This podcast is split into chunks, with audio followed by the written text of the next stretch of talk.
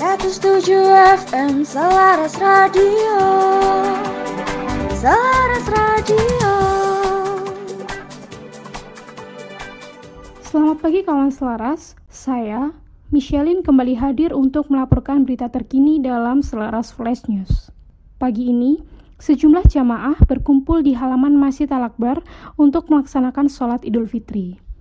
Menurut tanggapan salah seorang jamaah, yaitu Bapak Haidar, jamaah tidak merasa kesulitan untuk mendaftarkan diri sebagai jamaah sholat id, yaitu melalui link yang telah disediakan pada akun sosial media Masjid Al-Akbar. Menurut pemaparan petugas keamanan, Bapak Anas, kendala hanya ada pada sebagian jamaah yang tidak menggunakan masker dengan baik dan benar. Namun, petugas keamanan sudah menyediakan masker dan dibagikan kepada para jamaah. Lebih jelasnya lagi, saat ini saya bersama dengan pengurus dari Masjid Al-Akbar Surabaya, Bapak Kalik Idris.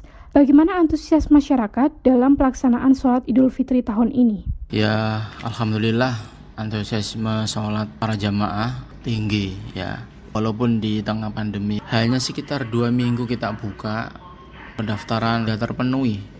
Kuota 6000 itu, 3000 lebih ya untuk laki-laki, perempuan itu sekitar 2.900. Lalu bagaimana dengan SOP dari pelaksanaannya sendiri, Pak? Berikan ID card kepada mereka. Jadi yang tidak bawa ID card nggak tidak bisa masuk.